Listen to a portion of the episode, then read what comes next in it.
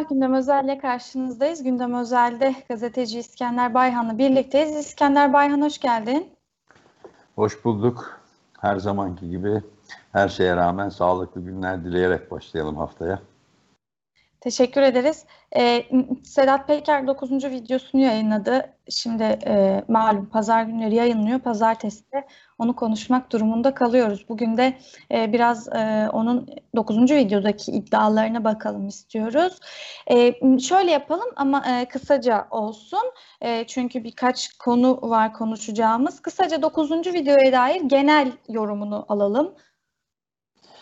Şimdi 9. videoda Peker e, sanki e, Erdoğan'ı biliyorsun bu dönem Tayyip abiyle e, konuşacağım, helalleşeceğim demişti bu videoda. Ama sonra onu 14 Haziran'a ertelediğini duyurdu. Yani haftaya pazara ertelediğini duyurdu. Bunda bir değişiklik yapar mı bilmiyorum ama e, Tayyip abisiyle hesaplaşma konusunu ertelemişti. Yalnız 9. video sanki onu ertelemekle birlikte e, artık Tay, e, Tayyip abisinin etrafına daha yakınlaştığı, e, çemberin daha da Tayyip abisinin etrafında dolandığı bir e, ve AKP merkezinin etrafında dolandığı bir video yayınlamış oldu diye düşünüyorum. Çünkü e, bu e, ilk isimlerden başlayarak yani videonun başında e, Akit Yazı İşleri Müdürü'nden e, işte eski Refah Partisi Milletvekili Rize Belediye Başkanı Şevki Yılmaz ki onun oğlu da bugün AKP'nin milletvekili Oralardan başlayarak e, videonun son bölümündeki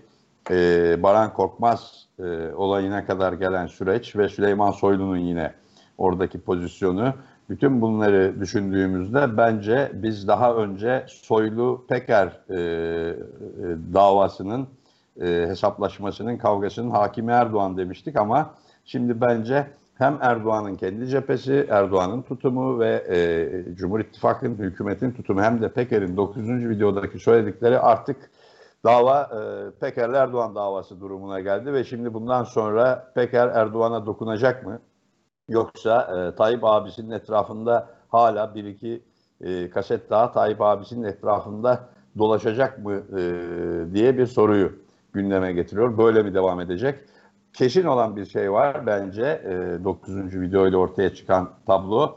E, e, Peker bu noktadan itibaren eğer e, Erdoğan'a dokunmayan bir çizgide devam edeceğinin işaretini verirse söylediklerinin artık pratik anlamda yani hükümetin atacağı adımlar anlamında, Erdoğan'ın atacağı adımlar anlamında, Cumhur İttifakı'nın atacağı adımlar anlamında çok bir e, anlamı kalmayacak. Yani Peker kendisini şu noktaya getirmiş oldu birçok itirafta bulunuyor, birçok konuda iddia ortaya atıyor, birçok ifşada bulunuyor ama bunların e, hükümet açısından, kendisinin seslendiği Tayyip abisi açısından bir anlamının olup olmayacağını e, ancak Tayyip abisine ne diyeceğini e, ya da Tayyip abisine ilişkin söyleyeceği şeyleri söylediğinde görecek. Bence Erdoğan e, son yansıyan e, 9. video öncesinde yansıyan haberlere de bakınca Erdoğan biliyorsun talimat vermiş, Soylu da dahil. Bunlar konuşuluyor. Ee, konuşmayın bunları, yanıt vermeyin bunlara demiş. Dolayısıyla e, Erdoğan açısından da artık mesele şu. Erdoğan yanıt verecek demek ki ya da o verecek, örgütleyecek yanıtı verilip verilmeyeceğini. Dolayısıyla bence artık e, Peker'in 9. videosu e, Erdoğan'a bir şey demediği sürece söylediklerinin kendisi açısından çok da bir anlamının ifade e, ya da hükümet açısından çok bir anlam ifade etmeyeceği ve e, susturularak geçiştirilmeye çalışılacağı bir noktaya geldi. Bence 9. videonun en önemli tarafı bu ve 10. video e, işaret ediyor bence 9. video.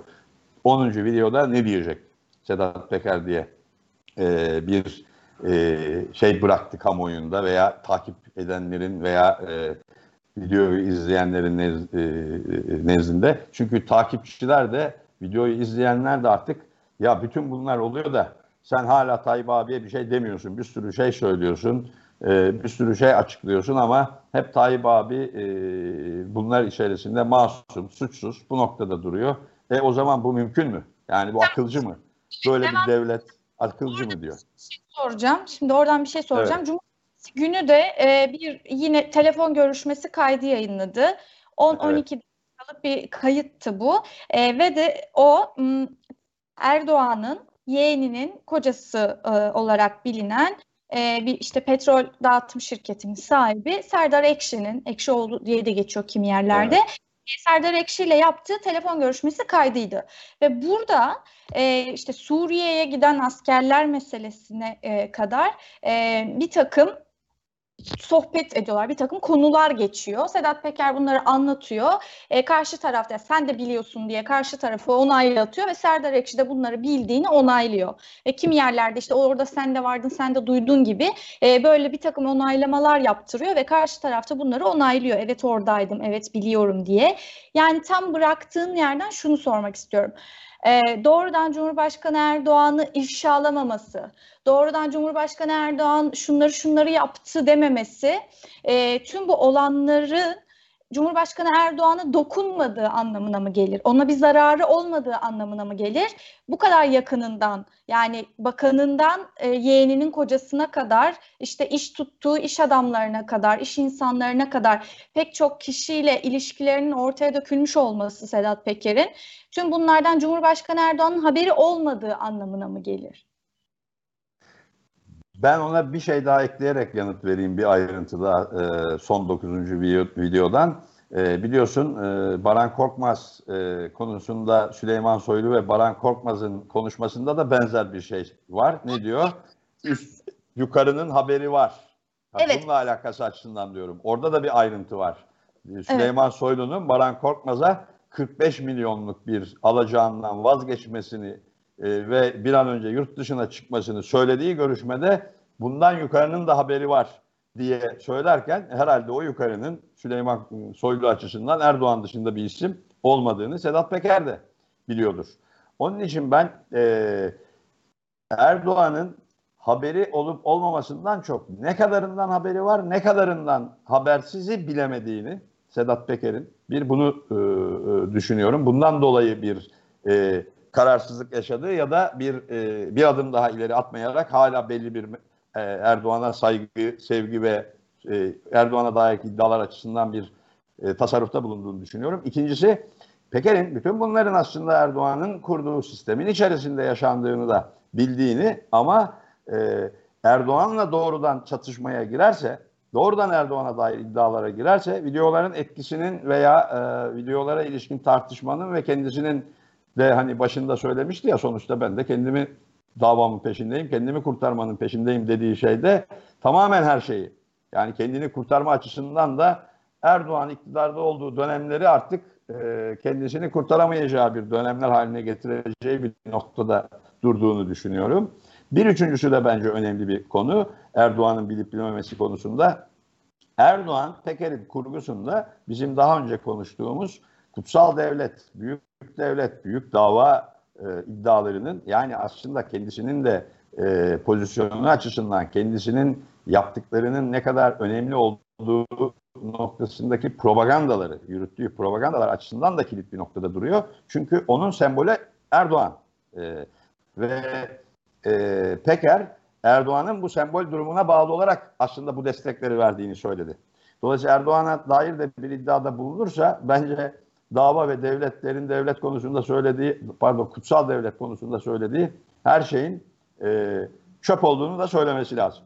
Yani aslında bunların kendisini kandırdığı birer uydurulmuş hikaye olduğu gerçeğini de söylemesi lazım. Daha da çoğaltılabilir bu ama ben kesinlikle e, bu konularda Erdoğan'ın habersiz, bilgisiz olduğunu e, düşündüğünü veya böyle bir kanaati olduğu e, gibi bir e, tespitin e, doğru olmayacağını hele hele Peker'in e, durduğu yeri düşünürsek e, Peker'e küçük e, Peker'in yap söylediklerinin e, küçümsenmesi e, anlamına geleceğini düşünüyorum. Aksine biliyor ama bunların ne kadarı konusunda bundan sonra nasıl bir sonuç alacağına emin olamadığı için e, bilmiyormuş gibi, Erdoğan bunlardan bağımsızmış gibi, Erdoğan bu işin içinde yokmuş, Erdoğan masummuş gibi bir çizgiyi hala koruyor gibi e, bir tavırla devam ettiğini düşünüyorum. Hatırlarsan bir dahaki kaset için de bunu söyledi zaten. Bak şey yok, hakaret yok, hiçbir şey yok. Ama sorular soracağım ve Tayyip abiyle helalleşeceğim. Ona saygımda hiçbir e, eksiklik yok. Buna bir şey daha ekleyeyim, nokta koyayım. Bir de biliyorsun daha önce dördüncü, beşinci videolarda şunları da vurguluyordu. Erdoğan'ın ekibi yani saray ekibine de saygı beyan ediyordu. neydi? Cumhurbaşkanı Sözcüsü İbrahim Kalın'ın adı geçtiğinde mesela hep e, o bir devlet adamı diyordu. Yine bir satranç oyunu gibi düşünürsek e, Şah'ın yanında duran vezir durumunda bir Binali Yıldırım mesela. Binali Yıldırım için de mesela bu son şeyde söylüyor. E, Şah'ın yanında duran vezire de ben, onu da bir devletin e, temsilcisi gibi e, bir noktada koyup onu da mesela şey yapmayıp ona sistem ediyor mesela. Mecbur muydun oğlunun şeyine ben sana mı söylüyorum sen başbakansın falan gibi. Dolayısıyla hani başbakan, cumhurbaşkanı gibi görevleri yapmış kişilere de doğrudan iddialar ortaya atarsa o zaman artık e, devlet e, ve e, hükümet hakkında konuştuğunun bilincinde artık onları da hedefe koymuş olacağının bilincinde dolayısıyla orada hala bir rezerv taşıyor. Yoksa biliyor yani bu ilişkilerin Erdoğan açısından öyle ya da böyle Erdoğan'ın bilgisi dahilinde olduğu konusunda bir top genel olarak bir e, tereddütün olmadığını düşünüyorum. Ama dediğim gibi ne kadarını biliyor, ne kadarına müdahale ediyor, ne kadarını etmiyor bu açılardan bir şey vermiyor. işaret vermiyor tabii. Şimdi onu belki 10. videoda göreceğiz. Şimdi 9. videoda e, uluslararası kara para aklama suçlamasıyla aranan hem Türkiye'de hem ABD'de de e, hakkında arama kararı bulunan Sezgin Korkmaz'la ilgili e, çarpıcı iddialar vardı. E, Peker Sezgin Baran Korkmaz'ın yurt dışına nasıl kaçtığını e, anlattı ve aslında hakikaten de e, Türkiye açısından e, çok ciddi de meselelerin e, altını çizmiş oldu böylece. E, bu, bu iddialara karşı ya dünden bugüne hala yani 20, işte 24 saati geçti yani hala sessiz kalınıyor olması da ayrıca çok e, vahim bir durum. E, çünkü şöyle dedi e, Sezgin Baran Korkmaz'ın e, hali hazırda aranırken zaten yani oralar aslında olayın büyüklüğünde küçük detaylar gibi kalıyor. Pek çok savcısından gazetecisine kadar otelinde gidip konakladığı, onunla arkadaşlık ettiğine dair bir takım e, bir şey, veriler aktardı. Bunları anlattı. Ama en çarpıcı olan şu, Sezgin Baran Korkmaz'ın İçişleri Bakanı Süleyman Soylu ile görüştüğünü söyledi. Üstelik İçişleri makamında görüştüğünü söyledi. E, ve işte bir görüştüklerini söyledi ve Süleyman Soylu'nun e, Sezgin Baran Korkmaz'a yurt dışına çık hakkında tahkikat başlatılacak. Yurt dışına çık dediğini söyledi.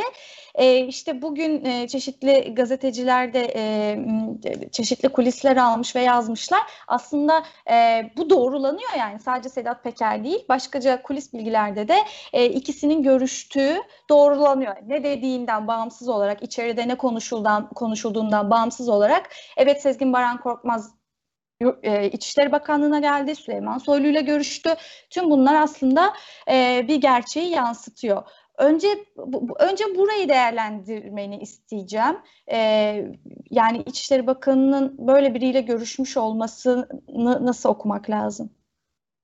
Tabii bir de Sezgin Baran Korkmaz ilişkisi dediğin gibi e, toplam olarak Soylu'nun merkezinde olduğu ama kapsamlı bir e, ilişkiyi de içeren medya değil mi? Medya mensubu olarak Veys Ateş'ten e, işte e, emniyet müdürlerine kadar mesela e, Muğla Emniyet Müdürü'ne, e, Ankara'da Emniyet Genel Müdür Yardımcısına kadar daha geniş bir cepheden buluşmalarla birlikte söyleniyor ve o zaman şöyle bir tablo çıkar, çıkıyor.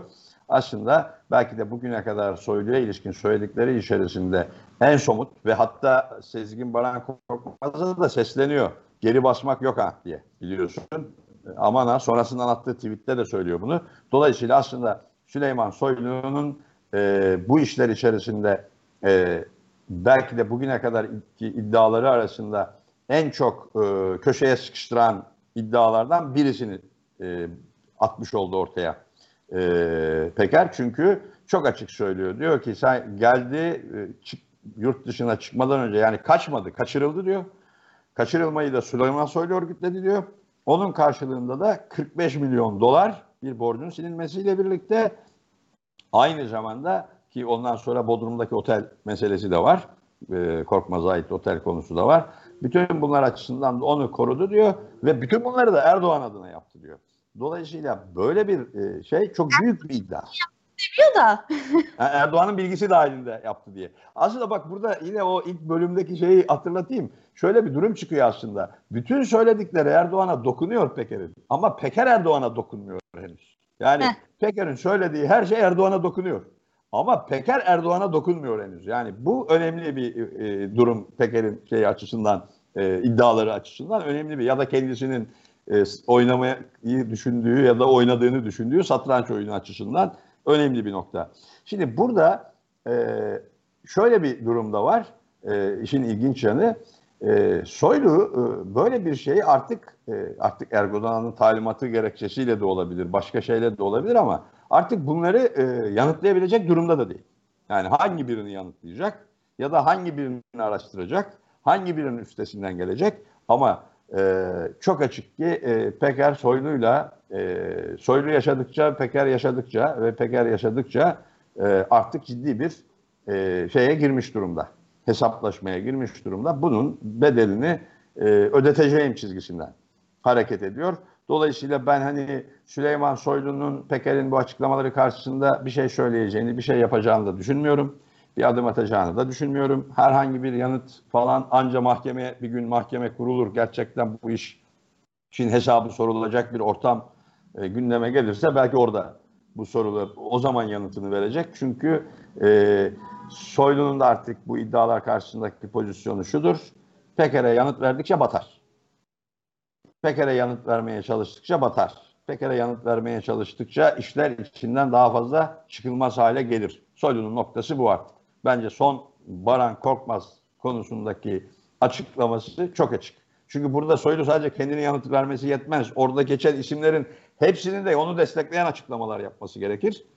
Ee, İçişleri Bakanı bence başka bir şey tercih ediyor. Benim dikkatimi çeken 2-3 gündür e, ona yanıt vermekten ziyade e, operasyonlarda kaç kişi e, Milli Savunma Bakanı ile birlikte işte sınır ötesi operasyonlarda terörle mücadelede ne kadar başarılı olduğu üzerine siyaset yapıyor. Asıl kendini kurtaracağını düşündüğü yerden siyaset yapıyor.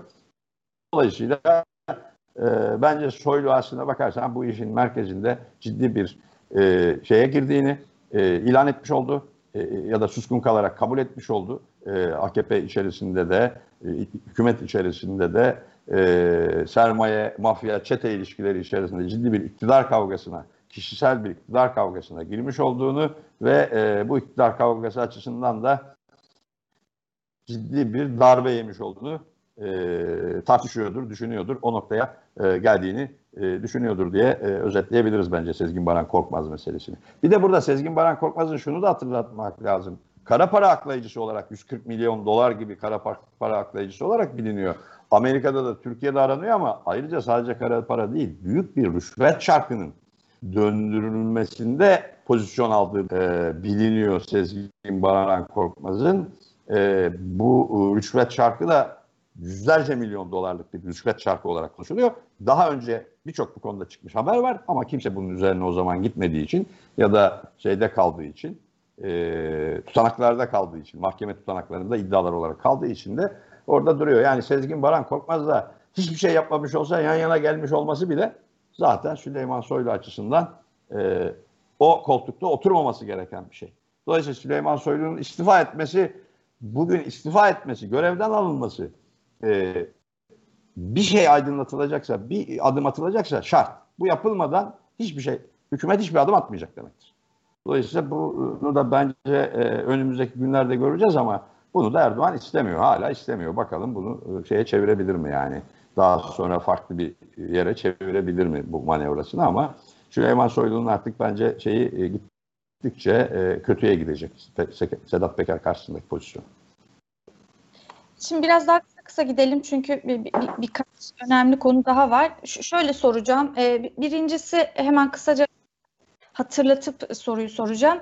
Metin Külünk meselesi vardı. İşte bu e, Peker'in programda Habertürk programının da söylediği aslında e, Peker'in değil Soylu'nun, Süleyman Soylu'nun e, Habertürk programında söylediği her ay 10 bin dolar alan milletvekili meselesini e, gündeme getirdi Sedat Peker. Dedi ki benim her ay 10 bin dolar verdiğim bir milletvekili yok ama ben pek çoğuna daha fazlasını verdim dedi.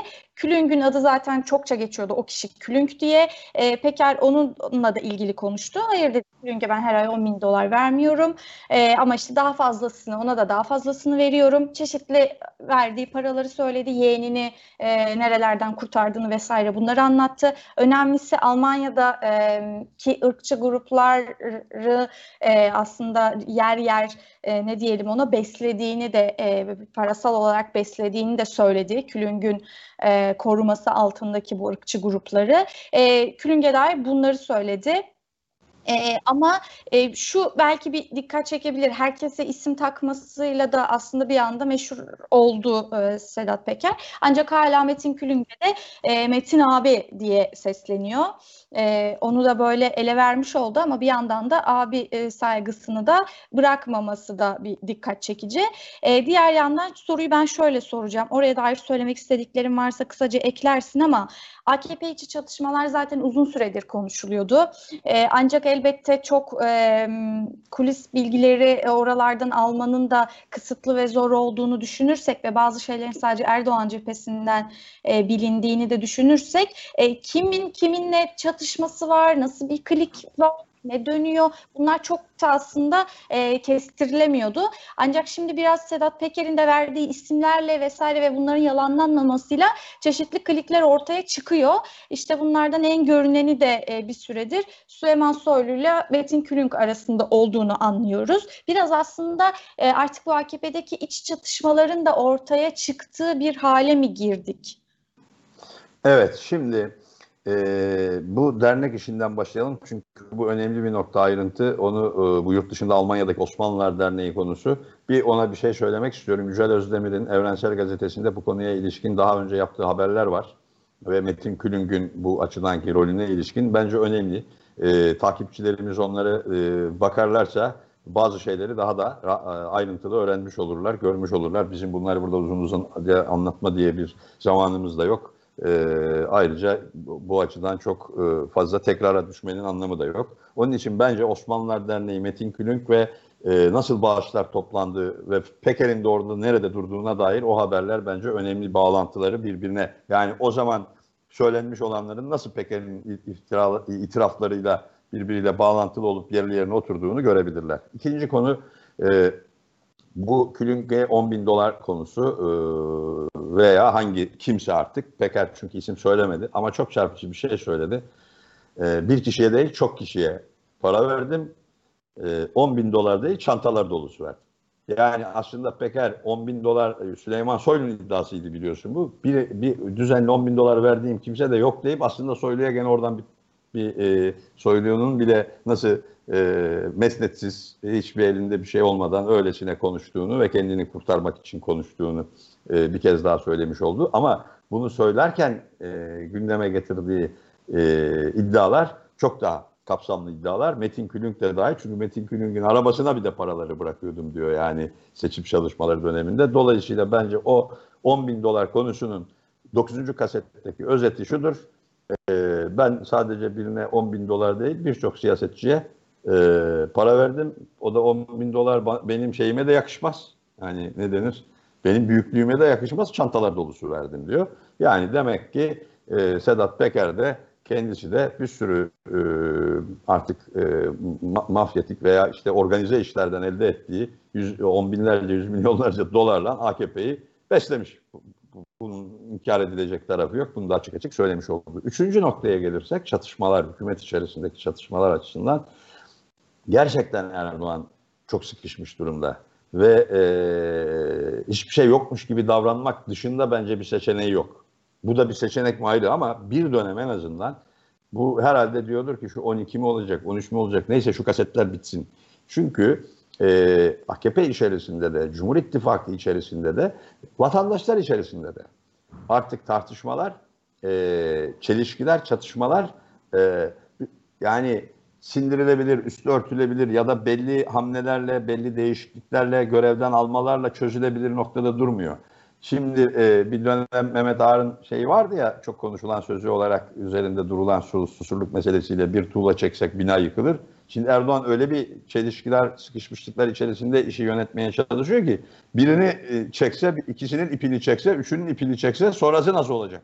Çünkü ipi çekilenlerin hepsinin de birer e, Sedat Peker gibi alt, belki açıktan olmasa da el altından oradan buradan gizli bir biçimde medya çeşitli e, medya olanaklarını kullanarak çeşitli kamuoyu olanaklarını araçlarını kullanarak yeni itiraflar, yeni iftiralar, yeni e, iddialarla e, ortalığı birbirine katamay- katmayacağı konusunda elinde bir garantisi yok.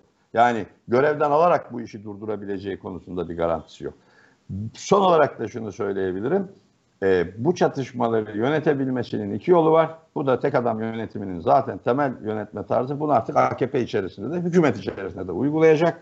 Bir e, herhangi bir şey e, e, iddia karşısında, herhangi bir iddia karşısında herhangi bir kimsenin e, konuşması veya iftirası deyip veya iddiası deyip üzerine gideceği meseleler konusunda suskunluk temel yöntem olacak. Sesini çıkaranı da tokatlayacak.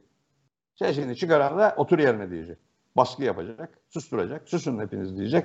Yani bir tuğla çekersek hepimiz gideriz durumunu kendisi açısından yaşayacak. Böyle bir ger gerilimli bir durum yaşayacak ve bu süre içerisinde bir hani e, önümüzdeki dönem siyasi gündemdeki gelişmelerle işi e, yoluna koymayı tercih edecek. İşte yoğun bir programı da var siyasi programı. Ama şu açık ki e, tek adam yönetimi de Erdoğan açısından da Sedat Peker'in iddialarıyla da kendi yaşadığı çatışmalarla birlikte de tablo öyle bir noktaya geliyor ki yüz milyonlarca dolar, milyarlarca dolar bu memlekette birileri tarafından e, haksız kazanç olarak hatta yani e, el konulmuş paralar olarak e, kirli pis ilişkiler içerisinde biriktirilmiş paralar olarak iç edilmiş, servetlerine servet olarak işlenmiş ama memleket bu arada nasıl yönetilmiş? İşçi ve emekçilerin halkın durumu nasıl olmuş? Onlar ne yaşamış? Onların vaziyeti neymiş? Esas olarak belki de önümüzdeki dönem bu çelişkilerin üzerine gitmek gerekecek diye düşünüyorum. Şimdi e, şöyle şu da var. E, Sedat Peker dedi ki seçim zamanında kahveler var. Ver misiniz o kahveleri ben verdim dedi. Onların parasını da bana ödemediler dedi bu arada. Bir lira bile ödemediler dedi. Hatta onunla ilgili çok güzel yorum vardı sosyal medyada. Onu da hatırlatmak istiyorum. Ya adamlar e, mafyayı bile dolandırmışlar diye bir yorum vardı. Şöyle şunu soracağım sana. Hmm, yer yer yer yer özellikle seçim zamanı mafya tarafından finanse edilen bir partiyle mi karşı karşıyayız? Evet, hem de hem de ciddi oranda finanse edilmiş. Yani hem e, Sedat Peker gibi e, organize işlerle e, milyonlarca dolar, e, yüz, on binlerce, milyon, on, on milyon, yüz milyonlarca doların e, transferiyle uğraşmış e, organize suç örgütleri ve mafya tarafından finanse edilmiş. Hem de kendisi finansmanını partinin finansmanını e, tek tek parti bürokrasisinin hatta devlet bürokrasisinin e, üyelerinin finansmanını, onların zenginleşmesini, onların e, şirket, devlet, e, tüccar siyaset e, felsefesiyle e, büyük servetler elde etmelerini organize işler olarak yapmış. Yani kendisi de bir organize işler örgütüne dönüşmüş. Yani sadece organize işler yapan mafyalarla çalışmamış. Kendisi de bir e, organize işler örgütü, bir mafyatik ilişkiler içerisinde e, kendini finanse eden, yüksek bürokratlarını finanse eden, ona bağlı olarak da alt e, kademe yöneticileri, e, işte efendim gazetecileri, e, kalemşörleri, yandaşlarını da nemalandıran, aşağıya doğru gittikçe de belirli düzeylerde nemalandıran bir şirket ve tüccar siyaset organizasyonundan oluşan bir parti olarak şekillenmiş. E, bayağı da ileri bir aşamaya gelmiş. Yani iflas etmeden, çökmeden, halk onu gömmeden temizlenmez yani o parti. Temize çıkamaz yani. Peki şimdi e, videolar uzun olduğu için biraz haliyle değerlendirmesi de uzun oluyor. Toparlarken şunu sorayım, toparlamanı öyle alayım. E, Demirören'in Aydın Doğan'dan e, aldığı yerleri işte kanalları, gazeteleri 750 milyon dolara aldığını söyledi. Ve bu 750 milyon doları da Ziraat Bankası'nın e, Demirören'e kredi olarak verdiğini söyledi. Ancak Demirören'in kredilerini hala ödemediğini de ekledi. Bu özellikle çok tartışıldı, çok dikkat çekti e, ve çok tepki de aldı e, vatandaşlar tarafından. Buraya dair yorumunla toparlayabiliriz bu bölümü. Evet. Bu da önemli bir noktaydı söylediğin gibi. Şöyle e, aslında e, bunlar biliyorsun biz o Aydın Doğan'ın e, Doğan Medya'yı satış süreci içerisindeki e, yaşanan tartışmalarda bunun haberlerini bile yapmıştık yani. Devletin parasıyla medya devi oldu diye Demirören. Ama e, hatta sonraki yıllarda dönemlerde e, bu paranın ödenip ödenmediği, faizlerinin ödenip ödenmediği konusunda da haberler yapıldı ama Ziraat Bankası'ndan tek bir somut bilgi edinilemedi. Ziraat Bankası da tek bir açıklama yapmadı. Dün sabahtan itibaren de Ziraat Bankası Genel Müdürlüğü bir belge koymadı önüne. Yok ne, Demirören, daha doğrusu Pamukören diyelim artık bizde. Yani Pamukören de bir şey söylemedi yani. Ya ben ödedim bu. Bunlar zor bir şey değil kardeşim. Ödediysen değil mi kredi borçlarını, faizlerini bunun belgesi vardır yani. Bir tane hesap ekstresi çıkarmaya bakar yani bankada. Ekstreyi alıp yayınlamaya bakar. Şimdi ya uydurmaya çalışıyorlar. Yani 3-5 gün çalışacaklar. Çünkü öyle ekstrayı da koyduğunda onun da geriye dönük bir kanıtı olması lazım. Bir de banka nasıl olacak? Yani ödendi desen banka 1 milyar dolara yakın açık verecek faizleriyle birlikte. Dolayısıyla kitabına da uyduramıyorlar ama yani aradan geçmiş 30 saat daha bir tane Ziraat Bankası Genel Müdürlüğü'nden bir tek açıklama yok. Yani bir de bir, bir belge de ortaya koyma tutumu yok. Dolayısıyla bu tamamen e, aynen o şeyde söylediğimiz gibi e, partinin, e, AKP'nin nasıl bir organizasyona dönüştüğü konusunda söylediğimiz gibi sistemin de aslında çarkların nasıl döndüğü açısından çarpıcı bir konu. Ve e, bunun üzerine gitmek lazım. Ama orada şunu da hatırlatmak lazım. Ziraat Bankası bu memlekette üreticiye, tüketiciye, vatandaşa, dar gelirli yurttaşlara e, yardımcı olmak, destek olmak, onlara ucuz krediler vermekle övünen tarımsal üretimi de dahil Türkiye'nin Türkiye'nin kalkınmasının en önemli bankalarından biri olarak hep övünen, öyle reklamlar veren bir banka. Ama e, görüyoruz ki e, memlekette 10 bin lira, 100 bin lira, 20 bin lira kredi almış, ucuz, düşük faizlerle kredi almış üreticilerin e, onları ödeyememesinden yaşadığı icralar, bundan dolayı e, intiharlar hatta sonuçlanan bunalımlara sürüklendiği bir ortamda e, bir, bir buçuk milyar doları faiziyle belki bulabilecek bir e, kredi vurgunu e, sessiz, sedasız, hiç kimseye de hesap vermeden, hiç kimseye de bir açıklama yapma gereği duymadan yapılmış, sürdürülmüş ve e, Pamukören'de, hükümette, Erdoğan'da, e, herkes de bu meselede bir huzursuzluk duymuyor, bir rahatsızlık duymuyor. Hepsi halinden memnun yani. Sadece bunların böyle konuşulması, gündeme gelmesi herhalde canlarını sıkıyordur, o kadar. Peki teşekkür ediyoruz değerlendirmelerin için. Ben teşekkür ediyorum. Ee, tekrar e, bu sefer sağlıklı günler dilerken çetesiz, mafyasız, yalansız, dolansız bir e, Türkiye için sağlıklı günler dileyerek kapatalım. Teşekkür ederiz. Evet Gündem Özel'in bugünlük sonuna geldik. Yeniden görüşmek üzere. Hoşçakalın.